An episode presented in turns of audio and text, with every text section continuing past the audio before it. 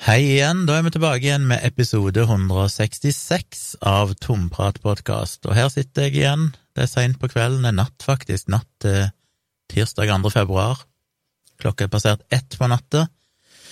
Og grunnen til at det er seint, er jo blant annet fordi jeg fucka opp igjen. Jeg har sittet og spilt inn denne episoden en gang allerede, snakka i en times tid, og så oppdaga jeg at jeg hadde gjort noe feil. Det bør ikke være mulig, men sånn er det. Så jeg får prøve på nytt. Det blir som regel bedre andre gang, for da har jeg fått snakka meg gjennom ting og ja, få gjort ting eh, kanskje litt bedre på andre forsøk. Øvelse gjør jo mester.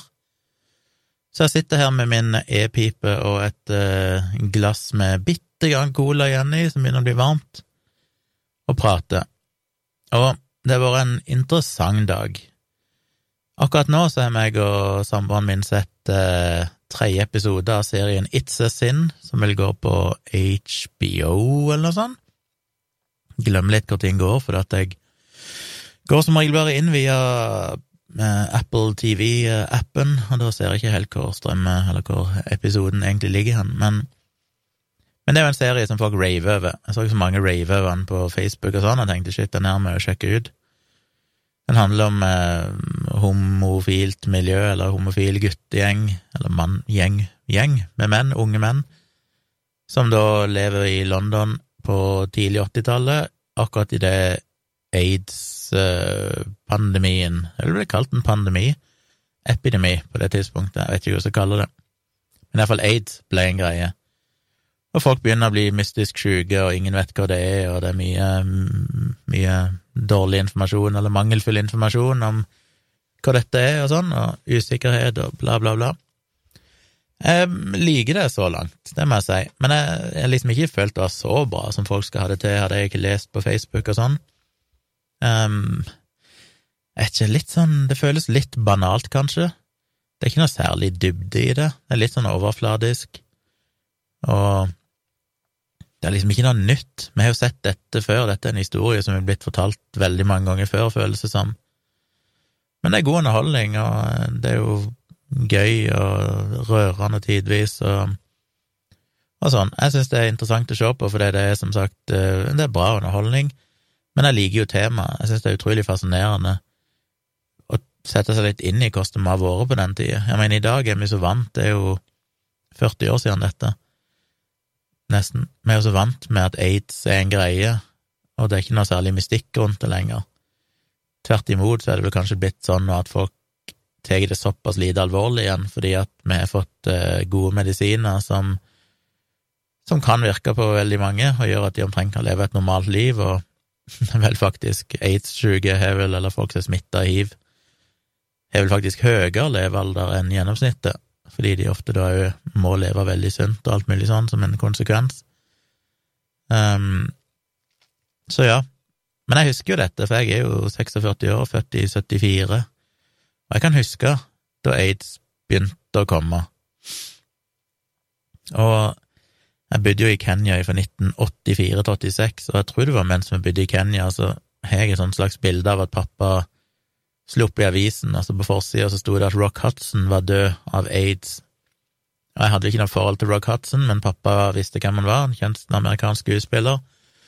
Og han var vel den første, tror jeg, som første sånn kjente personen av sånn internasjonal status som døde av aids. Og det, altså han ble vel et slags symbol på den tida, allerede før uh, Freddie Mercury, som vel overtok den den kjedelige rollen seinere, som et enda større eh, ikon. Men ja, det husker jeg. Og jeg husker jo at vi var Vi syntes det var skummelt aids. Eh, jeg husker jo at vi var redd for doseder, sånn liksom kunne du bli smitta av hiv og sette deg på et uh, på et offentlig toalett og ja, mye myter. Det tok lang tid før han fant ut egentlig om du kunne smitte noen ved å kysse dem, for eksempel. Det var vi usikre på lenge. Ikke at det var relevant for meg, for jeg var jo langt ifra min seksuelle debut og hadde ikke noen intim omgang med, med det annet kjønn, men, men, det var ting jeg gikk og, og snakka om og hørte om, og ja, det var liksom skummelt, så Så bare tanken på å ha vært i den alderen som de unge mennene er i denne serien, og være homofil med et relativt utsvevende sexliv, og så plutselig så begynner folk å dø av en mystisk sykdom som bare rammer homofile, tror de og så går du og tester deg på et eller annet tidspunkt, og så er du bare livredd, og det tar seks uker før du får prøvesvar, og du vet liksom ikke om du har denne sykdommen som det ser ut til at alle dør av. Ja, det er interessant. Så absolutt en serie jeg må kunne anbefale, det kan jeg. Ellers har jeg kjørt en livestream i kveld innen Patrion, så de av dere som er patrons, har kanskje sett det. Det var Didrik Søderlind som var med meg, og vi snakka om konspirasjonsteorier, QAnon og Flat Earth og alt mulig sånn, som jeg syns ble en bra, interessant samtale. Og det har jeg lyst til å gjøre flere ganger. Så jeg tror nok jeg kommer til å prøve på det når jeg har tid, og, få inn noen interessante gjester, og kjøre noen sånne samtaler slash intervjuer, hva du vil kalle det. Så hvis du vil få med deg det i framtida, så igjen, oppfordrer deg til å bli Patrion, da kjører vi det live der inne, du får med deg hele greia og kan være med og stille spørsmål og sånn. Eh, for alle dere andre så eh, kommer jeg nok til å legge ut en redigert versjon på YouTube, og muligens òg slippe som podkast. Så det kommer, men da eh, blir det en litt forkorta versjon. Og vil dere få med dere, som sagt, spennende sånne ting i framtida, sjekk ut patronen min. Jeg tror det ble jeg tror det ble nyttig og interessant. Jeg mener det er jo et tema mange ikke kan nødvendigvis så mye om. Jeg tror mange er nysgjerrige, og jeg mener jo at det er en av de viktigste temaene vi, vi trenger å vite noe om i dag, for det er jo i ferd med å ødelegge demokratiet og samfunnet vi lever i. Konspirasjonstenking. Så eh, ja, jeg tror det var lærerikt. Og så var jeg ganske trøtt i dag tidlig, eh, fordi jeg eh, ble sittende oppe veldig seint. I dag så slapp de, eller i natt så slapp de jo episode fem av sesong to av Norge bak fasaden. Og den har jeg venta lenge på, fordi jeg eh, er med i den episoden. Og jeg visste jo ikke egentlig om jeg var med, eller hvis jeg var med, hvor mye jeg var med. Eh, men jeg skal fortelle litt om det. Først litt om prosessen. Eh, de slapp den episoden på TV2 Sumo klokka tre i natt, og jeg hadde egentlig ikke tenkt å sitte oppe og se det. Men så plutselig så ble jeg oppe litt seint, og så nærma det seg tre, og så har jo jeg gått og venta på dette i et halvt år nå, så jeg klarte ikke dy meg. Jeg tenkte shit, jeg må bare se det. Og det var litt òg fordi at jeg tenkte hvis det er en fremstilling av meg som er helt horribel, så vil jeg må være forberedt når jeg våkner opp. Uh, så jeg visste jo som sagt ingenting om hvordan det var. De var her eh, Ja, hele greia starta jo med at i fjor vår en gang og dette var jo ganske kort tid etter pandemien hadde starta. Så fikk jeg en mail fra November Film, som er de som produserer denne serien for TV2. Um, de hadde vel Jeg husker ikke helt noe de skrev, men det var iallfall et eller annet om at eh, de lurte på om jeg ville ha et møte. Og jeg tenkte ja, det høres interessant ut, så jeg troppa nå opp der de sa, noen dager seinere, eller hvor tid det var. Og det var jo mye fokus på smittevern da òg. Så vi kunne ikke håndhilse og sånn. Jeg gikk inn i et møterom og satt med tre meters avstand mellom oss, med tre som var der. Det var meg, og så var det vel produsenten eller noe sånt, og en til.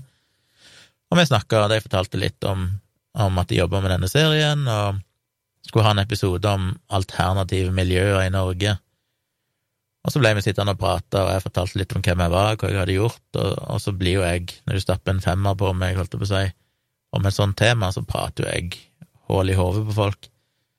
Så vi prater om veldig mye forskjellig. Og de virka jo veldig kule, eh, interessante og interesserte i det jeg hadde å si. Så de nevnte vel underveis da at eh, han Kadafi Saman, som er programleder, han hadde blitt lest av en såkalt klarsynt, og at det hadde imponert han ganske mye. At han hadde på en måte følt at hun hadde mye, hadde sett mye som overraska han.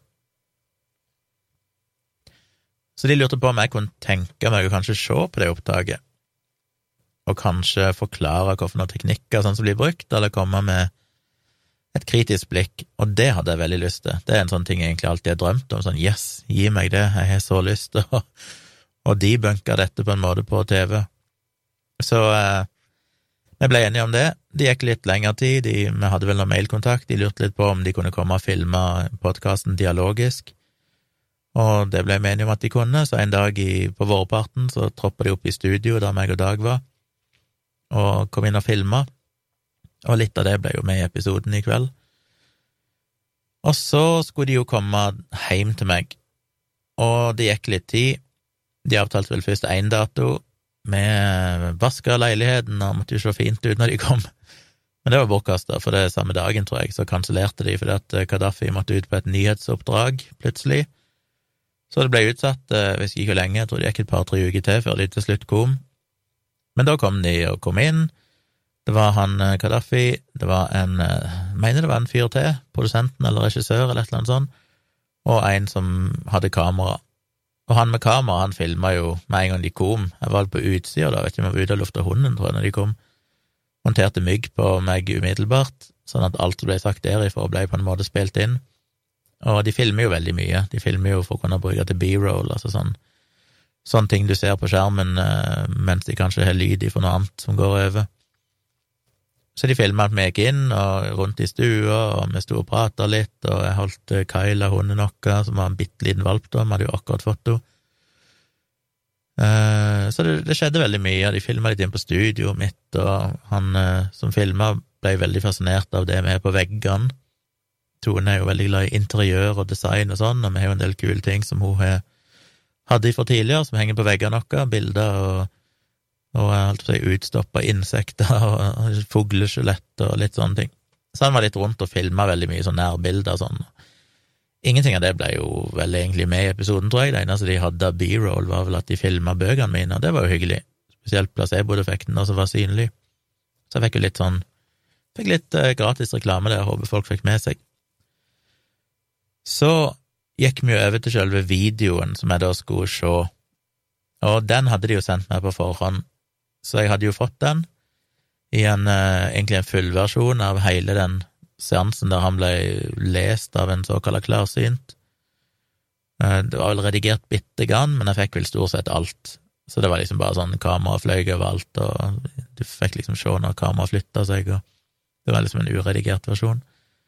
Så jeg fikk se det. Og første gang jeg så det, så tenkte jeg at oi, dette var jo litt imponerende.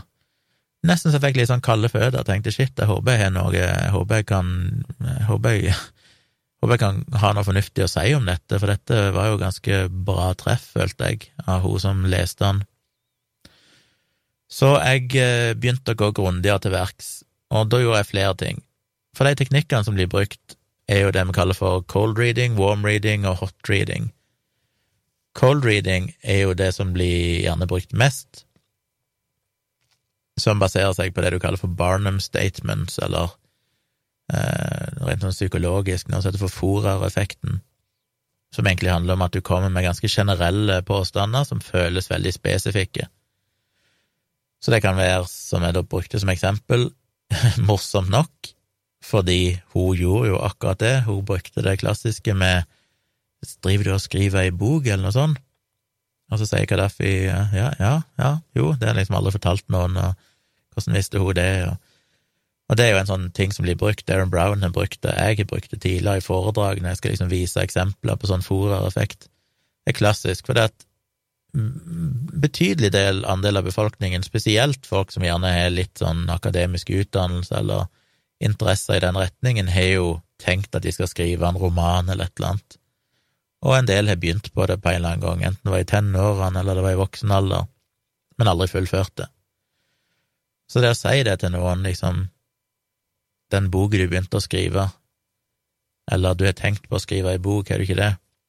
Det føles jo veldig sånn shit, hvordan visste hun det? Det har jeg jo aldri sagt til noen, jeg synes det er litt flaut, men uh, kanskje. Men det kunne hun da se. Men greia er jo bare det at du kan si det til veldig mange folk, og så vil det være sant. Så det er sånn klassisk uh, Barnum statement. Så det er cold reading. Så har du vel hot reading, som er på en måte at du faktisk researcher ting i forkant. Det er faktisk informasjon du har sjekka og vet, men du later som at dette er noe du ser. Det kan være Google og internett eller bøker eller intervjuer du har sett, eller ja, snakka med venner og bekjente, så kan du få mye informasjon. Og det er jo mange som liker å tro at nei, men de gjør vel ikke det. Men det gjør de. Eh, jeg fant ikke noen eksempler på at hun her hadde gjort det i, i noe tydelig grad. Men jeg husker jo en sånn video som en engelsk TV-kanal gjorde en gang, der de Jeg tror de fikk tre klarsynte, skulle komme inn i et eller annet sånn gammel bygning i London eller et eller annet sted i England, og så skulle de på en måte som på en måte var hjemsøkt, eller et eller annet sånt, og så skulle de da fortelle hva de følte og så, litt sånn åndenes makt. Men det de klarsynt ikke visste, var at eh, de som lagde dette programmet, hadde laga ei falsk nettside som handla om denne bygningen, da de blant annet skrev i liksom historien til bygningen, eller historien om eieren til denne bygningen, så skrev de en historie om at en av de som hadde eid bygningen, eller sånn, hadde blitt drept på en eller annen fascinerende måte, trampa i hæl av noen hester, eller noe sånt. Og det la de bare ut på nettet, for å se om disse klarsynte tok agnet, og det gjorde vel alle tre, og det er så gøy å se det opptaket når du bare ser de går der og ser alt mulig, og så plutselig så ser de da denne historien, ja, de kan se, de føler det et eller annet med noen hester, jeg husker ikke om det var hester, men la ikke si det var det. De ser disse hestene, og noen som blir trampa i hæl, og alle tre liksom ser det, og så er det så pinlig når du vet at dette er en falsk historie som har vært planta på internett for å sjekke om de researcha i forkant. Så det blir jo definitivt gjort. Uh, og så er det warm reading, som er på en måte en mellomting, der det er mer ting som er obvious. I dette tilfellet, Kadafi Saman er en kjent journalist. Du kan si ganske mye om han bare ut ifra at du vet det.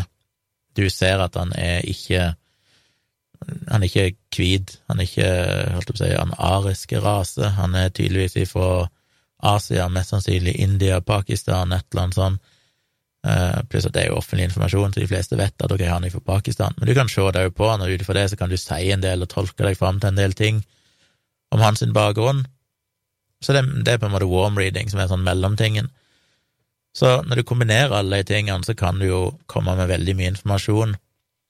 Og jeg noterte jo litt um, Hvor har jeg det dokumentet? Jeg noterte jo litt mens jeg så videoen for andre gang og da tenkte jeg nå må jeg gå systematisk til verks. Så det ene jeg gjorde, var at jeg sjekka om hun hadde brukt hotreading, så jeg googla ganske så grundig alt jeg fant om Kadafi Saman som lå på nett.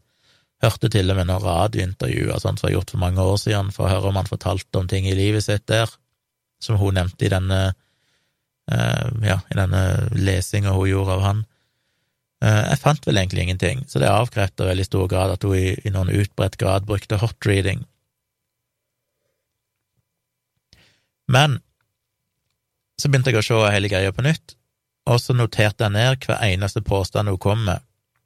Og så systematiserte jeg de, var dette en korrekt påstand, var det en feil påstand, hvordan reagerte Kadafi når hun sa dette? Så det skrev jeg ned i et langt dokument, og når jeg da begynte å se på det, så ble det jo veldig tydelig for meg at dette var ren cold reading. Og Kadafi sa jo i denne episoden at for det handler om at hun ser fetteren hans, og at det har skjedd noe med han. Han er da død. Og hun forteller litt om hvordan han døde. Eh, I episoden så vil ikke Kadafi egentlig ha med det, fordi at det blir litt for personlig, og for å skjerme familien og sånn, så vil han ikke ha det med. Og derfor så kan heller ikke jeg sitte her og snakke om de detaljene, selv om jeg jo har, sett de, så uten å gå i, i Eller skal prøve å skjerme de detaljene, så kan jeg iallfall nevne noen ting. Uh, hun Ja, jeg, jeg kan ta oppsummering av det på en måte, for etter jeg hadde skrevet opp alle disse påstandene, så begynte jeg å systematisere det, og hun hadde to ting som var korrekt. To påstander som var korrekt. Den ene var egentlig ganske nærliggende å tippe seg til, og den andre var veldig spesifikk, men ikke sånn veldig overraskende, og som vi skal se seinere, så utleder hun seg eh, egentlig fram til det sjøl på forskjellige metoder. Jeg kan ikke si hva de påstandene er, for det er som sagt ting han ikke ville ha med, så da skal jeg ikke nevne det, men, men det handler om da denne fetteren. På en annen side sett så hadde hun 13 påstander som var direkte feil, altså spesifikke påstander hun sa. Eller hun sier jo egentlig ting, hun spør jo alltid. Det er sånn Alt blir jo sagt som et spørsmål for å få han til å respondere, eh, og det er jo sånn disse teknikkene fungerer. Så hun kom med 13 direkte sånn feil påstander. Hun kom med sju påstander som var uverifisert, det vil si at Kadafi visste ikke. Var ting hun sa om det hun så, men uh, han kunne ikke si om det var sant eller galt, for han visste bare ikke hva som hadde skjedd på de tingene. Hun hadde to påstander som var totalt irrelevante. Umulig å vite om det er sant eller ikke, fordi at det ene var liksom Hun begynte å fortelle om hvordan fetteren hadde det på den andre sida, altså i dødsriket. Og det er sånn, ja, hva det, det blir jo bare påstander. Hun kan jo si at han eh, er blitt eh, homofil og røyker sigar hver dag og sånn, og hvem skal kunne motbevise at det er det han gjør oppe i himmelen, eller hvor han er? Så det blir jo bare helt irrelevant å komme med sånne ting. Og så hadde hun 18 påstander som er klassiske Barnum statements, altså ting hun påstår som veldig spesifikt, men som egentlig er veldig generelle påstander, og en del av dem var jo òg feil. Men hun snakka for eksempel en del om Gaddafis personlighet, at uh, Ja, hva var det hun sa?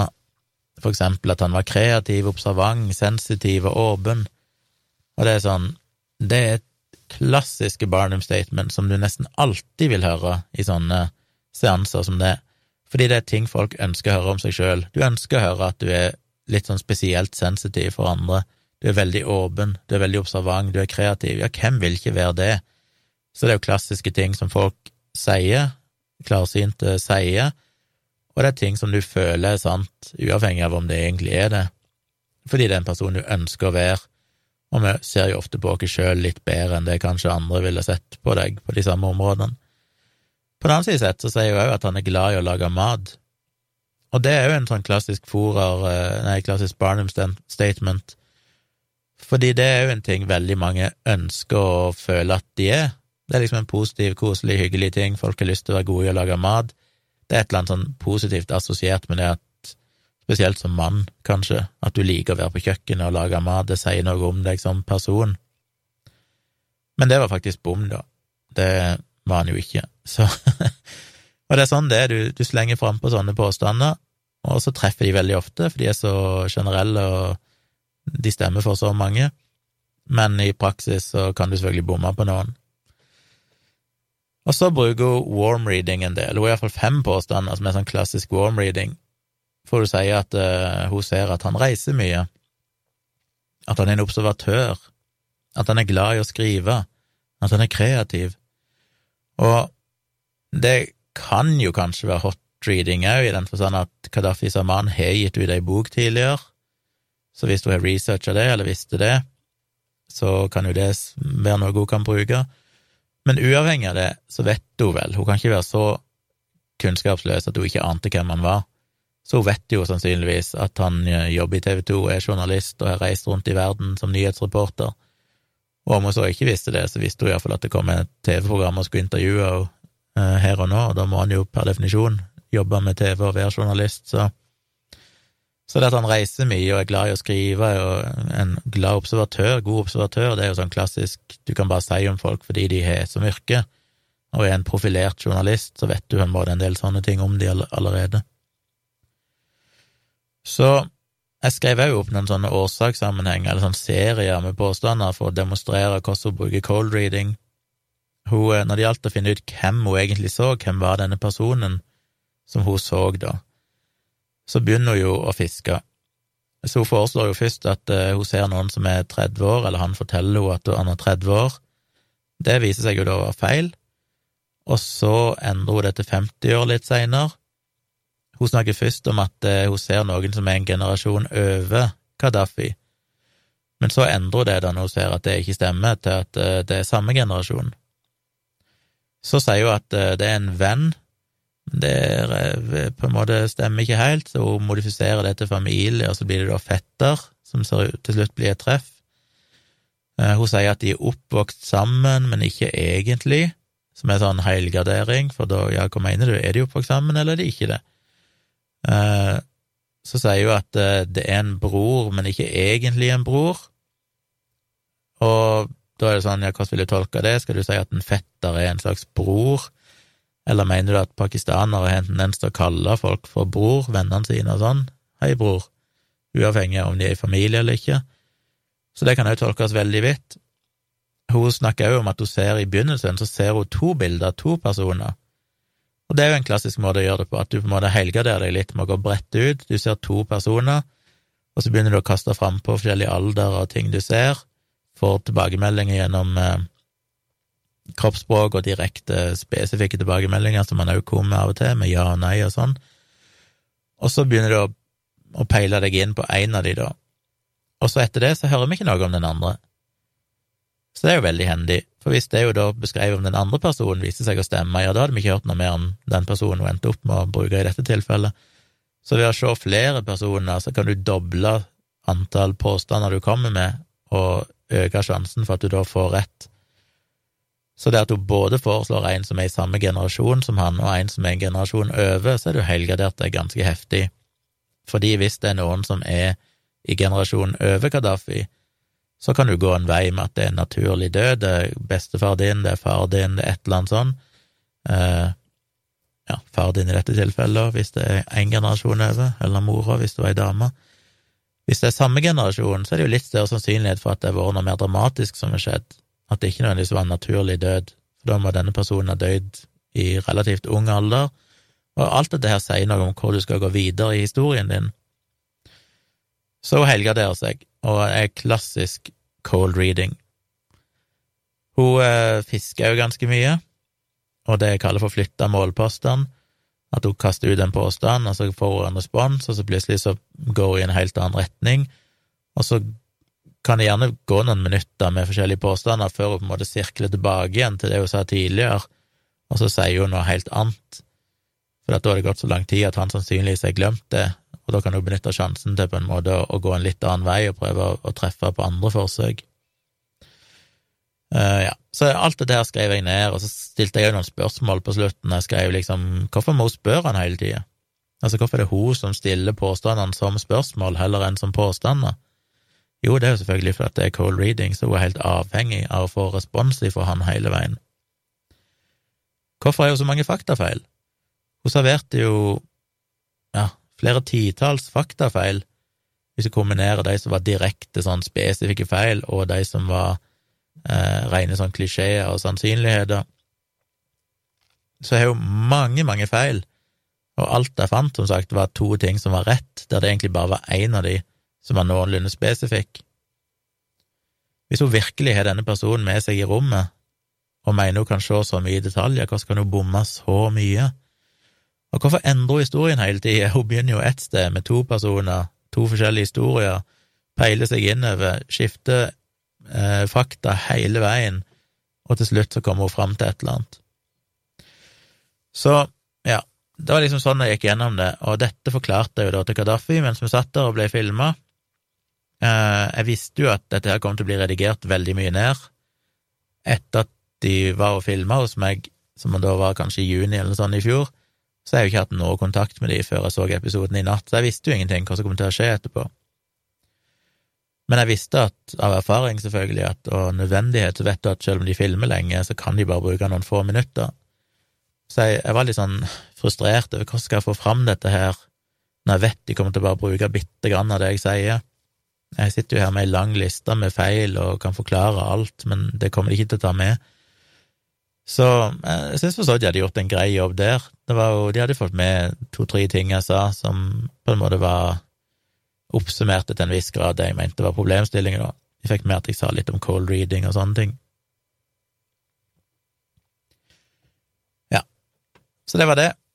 Jeg forklarte alt dette, vi snakka etterpå, så satt uh, meg i sofaen sammen med Tone, og så ble satt Gaddafi og snakka litt med oss mens de filma, stilte en del spørsmål, og jeg snakka vel litt mer sånn ja, det var litt mer sånn spørsmål om hvorfor var jeg så engasjert i dette, og hvorfor hadde jeg begynt å engasjere meg i kritisk tenking og skeptisisme og, og alt dette her, og mer sånn filosofisk rundt hva jeg mente om eh, alternativbevegelsen og sånn. Ingenting av det ble jo med i episoden, så ja, sikkert like greit. Så i natt fikk jeg altså se det for første gang, og jeg visste jo det at det Eller jeg ante meg jo at det kom til å være en ganske sånn alternativvennlig episode, fordi de skulle jo på en måte ikke gå det var ikke noe folkeopplysning, de skal ikke gå kritisk til verks, de skulle mer bare vise, det er jo det som er litt av hensikten, Norge bak fasaden, vise ting vi kanskje ikke normalt ser, en annen del av Norge. Og jeg vil tippe at de òg måtte gå med på å være veldig lite kritiske for i det hele tatt få innpass, jeg tror ikke den der Norsk spiritualistisk forening og sånn hadde sluppet de inn hvis de hadde fått mistanker om at de kom til å bli latterliggjort eller hardt kritisert eller noe sånt. Så det var en veldig døll episode i den forstand at det var jo ikke noe substans her. Det som jeg ikke visste, og som overrasker meg litt, var jo det at uh, André Kirsebom, som er leder og prest i Norsk, Norges spiritualistiske forening, og hun som dama hans, som da leste Kadafi, de fikk se opptaket av meg etterpå. Og det føles jo alltid litt sånn kleint å tenke oi, shit, skal de faktisk sitte og høre uredigert alt jeg sa? Um, litt redigert var det vel, for jeg sa ting så jeg presiserte måtte være off the record, så jeg regner jo med de ikke tok med det, men, men ja, de fikk se det. Og de klippene de fokuserte på, var at jeg sa at dette her var kynisk, det var uetisk, og de utnytta menneskene og sånn. Og så får jo da André Kirsebom og hun dama sitte og liksom være rista på hodet og synes jeg er en forferdelig person som kan hevde noe sånt, samtidig som de like etterpå bekrefter at ja, ja, det fantes selvfølgelig sånne aktører i bransjen, men de var jo selvfølgelig ikke det. De er jo bare fulle av kjærlighet og vil det beste for alle. Og det ble jo ikke noe videre problematisert, og da er det jo litt interessant å se hvem er egentlig han André Kirsebom, fordi han er jo som sagt leder og prest i Norges spiritualistiske trossamfunn, heter det. Og TV 2 gjorde jo en gransking av han for noen år siden, tilbake i 2012. Da kom det jo fram at han blant annet på et sånt informasjonsmøte for denne, dette trossamfunnet sa at uh, han eh, kunne helbrede, eller de kunne helbrede kreft gjennom healing. De kunne også jobbe med andre kroniske sykdommer som multippel sklerose og sånne ting. Og da er det ikke så gøy lenger.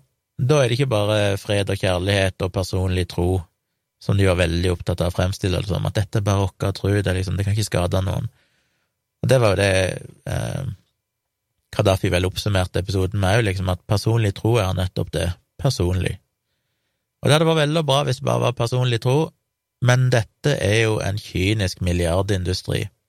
Dette er jo folk som lover at de kan hjelpe folk med kreft eller kroniske sykdommer som MS, og det er jo ikke lovlig.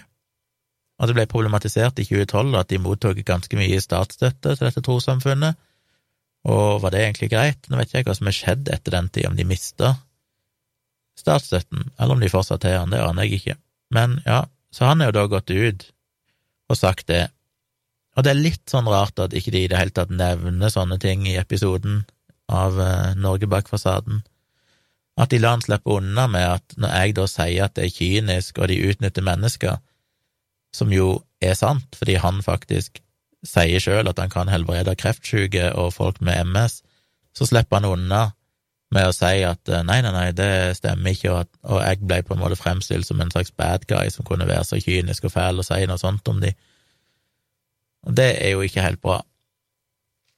Når det gjelder episoden for øvrig, så var det jo som Det var, det var en smertefull episode å se. Det.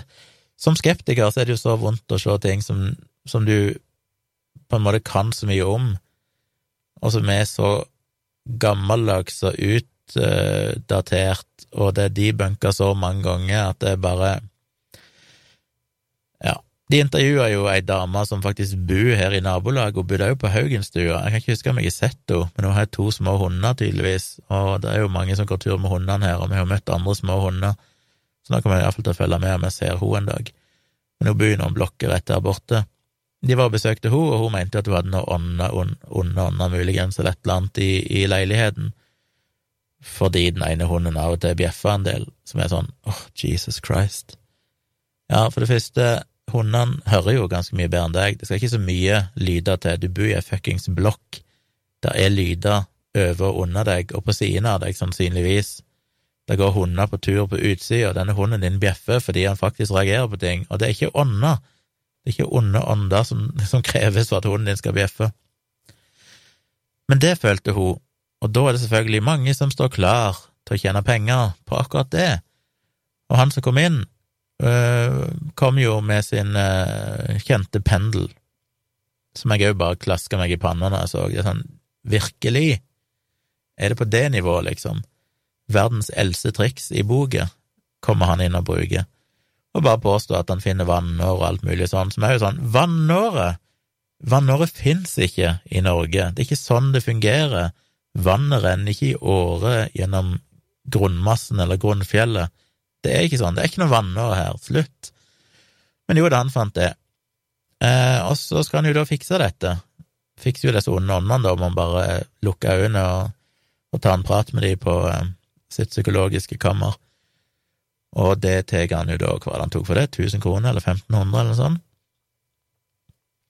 Og så, eller jeg husker ikke hva han tok for hva, men så gikk han ut i hagen da, og banka ned noen kobberrør i bakken. Det er jo klassisk, når folk skal stoppe vannåret, så må det alltid være kobberrør. Vi hadde en nabo sjøl der jeg kom ifra på Tonstad, som trodde på dette og kom og gjorde det i hagen vår, til pappa sin store fortvilelse.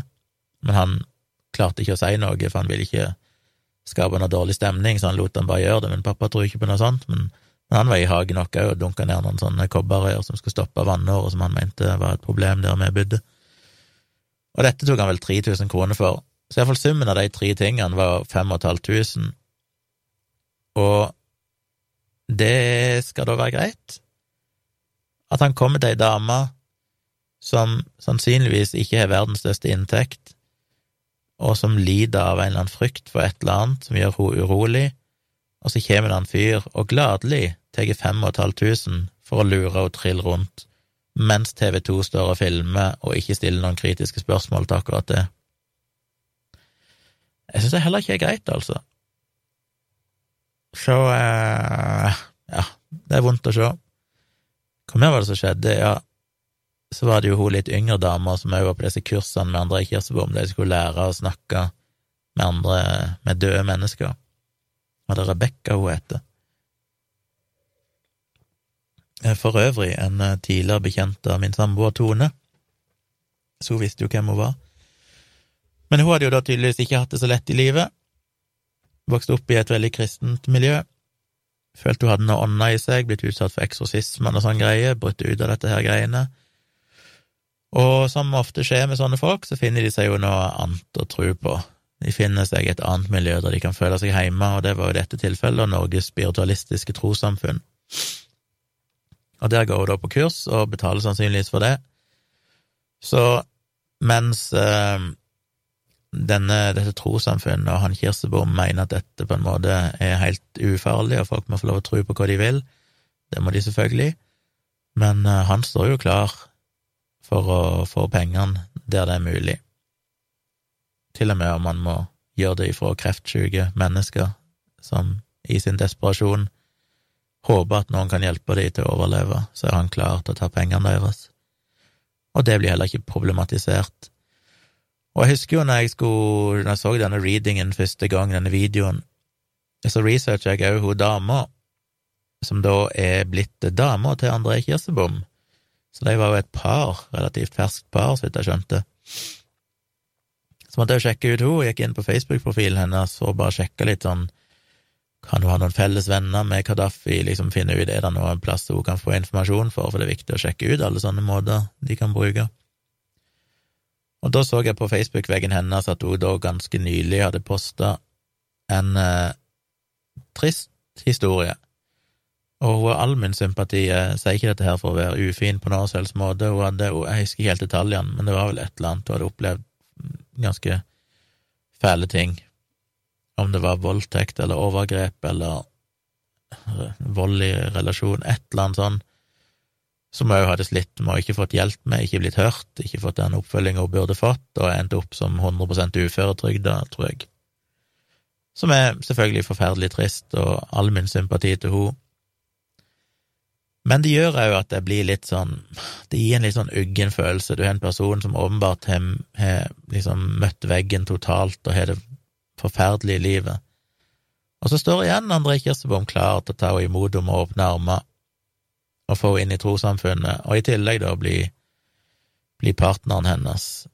Um, og hun andre, hun Rebekka, hun hadde jo da kommet ut fra et sånn problematisk miljø og trengte noen.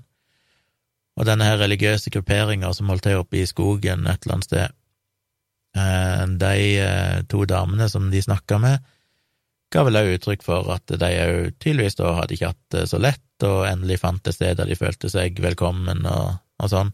Og det er jo det som er fellesnevneren her. Dette er jo folk som ikke har hatt det så greit, og en kan gjerne si at dette er ganske sårbare mennesker. Og jeg er på en måte selvfølgelig glad for at de har funnet miljøer der de føler seg hjemme og, og blir akseptert, men det kommer med en pris, og den prisen er i tillegg til krone og øre, som det ofte er, så er det òg at du må gi slipp på kritisk tenking. Du blir akseptert og tatt inn i varmen så lenge du ikke er for kritisk og skeptisk, fordi at du kan jo ikke passe inn i et sånt miljø hvis du er det. Og det er det som går igjen i alle disse grupperingene. Eh, dette, denne religiøse gruppa her oppe i skogen her, den hadde jo sitt utspring for denne religiøse bevegelsen i USA, som etablerte seg i en hel by i USA, som det ble laga Netflix-dokumentarer av, som jeg og Dag snakker om ideologisk for en tid tilbake. Der òg så vi hvordan det gikk. På overflata så var det liksom peace and love, eh, alle var likestilt, og det var fred og harmoni. Under overflata så var det jo maktkamper og misbruk og alt mulig sånn. Jeg sier selvfølgelig ikke at det skjer i disse tilfellene her, jeg bare sier at når premisset for at du skal være med i disse grupperingene, er at du i praksis må være ukritisk, så er du et veldig lett bytte for å bli utnytta, og vi har sett det så mange ganger. Jeg har sjøl kjent folk som har opplevd dette. Jeg mener det er mange som kontakter meg fordi at jeg skriver om disse tingene. Jeg har fått mailer fra folk som har vokst opp i sånne miljø, blitt utsatt for overgrep, ikke fått den hjelpen de trenger fordi at de er blitt manipulert og tror at det finnes at skolemedisin er en konspirasjon og vaksiner er livsfarlige, og de får ikke den helsehjelpen de trenger. Jeg kjenner sjøl folk som med unger som ikke har fått medisinsk hjelp som de trenger, fordi at en av foreldrene er totalt ute i det alternative koko-landskapet. Og når da Kadafi sier at personlig tro er nettopp det, personlig, så er jo ikke det sant, fordi det rammer barn, det rammer familie, det er alltid en eller annen form for hierarki og maktkamp som pågår, og du må betale både med penger og med dine kritiske, tenkende evner som du må legge igjen på utsida. Og det syns jeg er vondt å se på. Det er desperate folk som har hatt det vanskelig i livet, som, som da tydeligvis føler at de har funnet et eller annet fordi de blir lurt trill rundt. De blir lurt gjennom gamle, hundrevis år gamle ofte, teknikker og metoder som har fungert så lenge fordi det spiller rett inn i den menneskelige psykologien. Vi vet hvordan vi kan lure sånne folk til å tro at de har spesielle evner, til å føle seg spesielle, fordi at det gjør at de kommer til å bli her, og de kommer til å bruke mer penger, og jeg kommer til å ha mer makt over dem. Og det skulle jeg ønske vi kunne sett litt nærmere på, for det skjer veldig mye fæle, fæle overgrep i de miljøene i dette landet som vi aldri får høre om. Ja. Jeg eh, så den episoden i natt da han kom, tenkte at eh, det var grei nok, men jo mer jeg snakker om det, jo mer jeg tenker på det, jo mer problematisk syns jeg det er at de lager en episode om det alternative landskapet i Norge med så lite kritikk og problematisering. Men jeg håper nå at de minuttene jeg var med, iallfall ga bitte, bitte, bitte grann balanse til det som skjedde. Jeg vet ikke om jeg eh, har noe mer å si om det, har jeg sagt alt? Jeg håper det. Jeg tenkte faktisk jeg eh, skal, fikk et tips, jeg hadde egentlig tenkt på det i forkant, at jeg skulle rett og slett kjøre en reaction til episoden jeg er ikke helt sikker på om jeg får det til ennå, men muligens i morgen kveld, altså tirsdag kveld, eller egentlig i dag, for jeg spiller dette inn på natta. 2. februar, på YouTube-kanalen min, hvis dere hører dette tidsnok, eller er abonnenter allerede, så får dere det kanskje med dere. Jeg skal jo dele det i sosiale medier hvis det blir noe av. Så jeg har lyst til å gå gjennom den episoden og kommentere den underveis. Kommer sikkert ikke til å vise alt, kanskje, jeg må sikkert spole litt så det ikke blir altfor langt, men viktige ting der kommer jeg til å kommentere litt på uh, på YouTube, på YouTube-kanalen min. Så det må dere gjerne få med dere hvis dere syns det kan være interessant. Det blir i så fall over alle. Hadde jeg da noe mer å si? Um, nei, jeg noterte ingenting i dag, for jeg tenkte bare jeg skulle snakke om uh, den episoden primært, og det skal jeg bare ta litt ut ifra hodet mitt. Men hvis dere syns det var nyttig og interessant, så setter jeg pris på å høre fra dere. Dere kan maile meg på podcast med C, at gmail.com. Veldig glad for både tips og spørsmål og, og tilbakemeldinger. Som sagt, dere kan stikke innom min Patron hvis dere vil få med dere fremtidige intervjuer og annet snacks som finnes der inne. Og nå er jeg jo latterlig nær. Jeg er vel eh, Nå er vi akkurat i månedsskiftet, og da går eh, antall følgere litt opp og ned, for det kommer an på om kredittkortene til folk eller bankkortene til folk feiler når det skal fornyes og sånn, da forsvinner det noen, og så fikser de det, og så kommer de tilbake igjen et par dager seinere og sånn, så Men jeg er passert 190, og jeg sa jo det at hvis jeg fikk 200 i løpet av første halvår, så skulle jeg eh, lage ei bok, og det er jeg jo veldig nær. Så hvis du vil pushe meg over den grensa, så kan du bli patron, og de 200 første vil da få den boka veldig, veldig billig når den er ferdig, forhåpentligvis i løpet av våren en eh, saksynt antologi som dere får signert til en billig penge, og det er da veldig kult. Så jeg hadde faktisk ikke trodd jeg skulle klare det så fort, men eh, ja, jeg ser ut at jeg kan passere 200 ganske snart, det er veldig, veldig kult.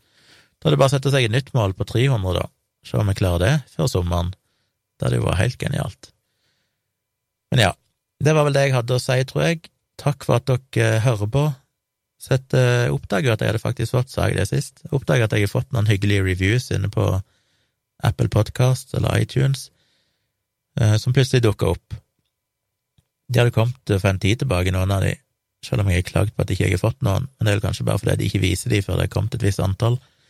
Men nå var det kommet, og det setter jeg veldig pris på. Og vil gjerne ha flere, så gå gjerne inn og gi meg eh, gjerne fem stjerner, hvis dere kan det. Og en hyggelig kommentar, det betyr veldig mye for at iTunes og sånn skal skal spre podkasten og gjøre den mer synlig, og det trenger jeg, jeg trenger eksponering. Så tips gjerne andre og alt dette her sulamitten som jeg snakker om. Vi har jo kommet med en ny episode av Virkelig grusomt, som kom eh, nå mandag, 1. februar. Abonner på den òg, hvis ikke dere gjør det allerede. Eh, vi fant ut at neste episode av Virkelig grusomt, den skal vi rett og slett kjøre som en livestream, så søndag 7. februar klokka åtte på kvelden, altså førstkommende søndag, så skal vi livestreame innspillinga, og da skal jeg fortelle en ganske så grusom historie, og veldig, veldig fascinerende, rar historie, som jeg håper dere har lyst til å høre og få med dere. Det blir livestreama på Facebook, fordi vi har oppretta ei Facebook-side, som er på facebook.com slash virkelig grusomt. Så gå gjerne inn og like den sida på Facebook, så får dere med dere når vi går live og, og streamer det. Så det håper vi jo at dere vil eh, se på. Og ellers er vel jeg tilbake igjen med en ny episode her neste, eller førstkommende fredag. Jeg går så i surr i disse pandemitidene, mister kontroll over hvilken dag vi er og alt som skjer. Men ja, takk for at dere hørte på. Jeg er snart tilbake. Send meg mail på tompratpodkast at gmail.com. Vi snakkes.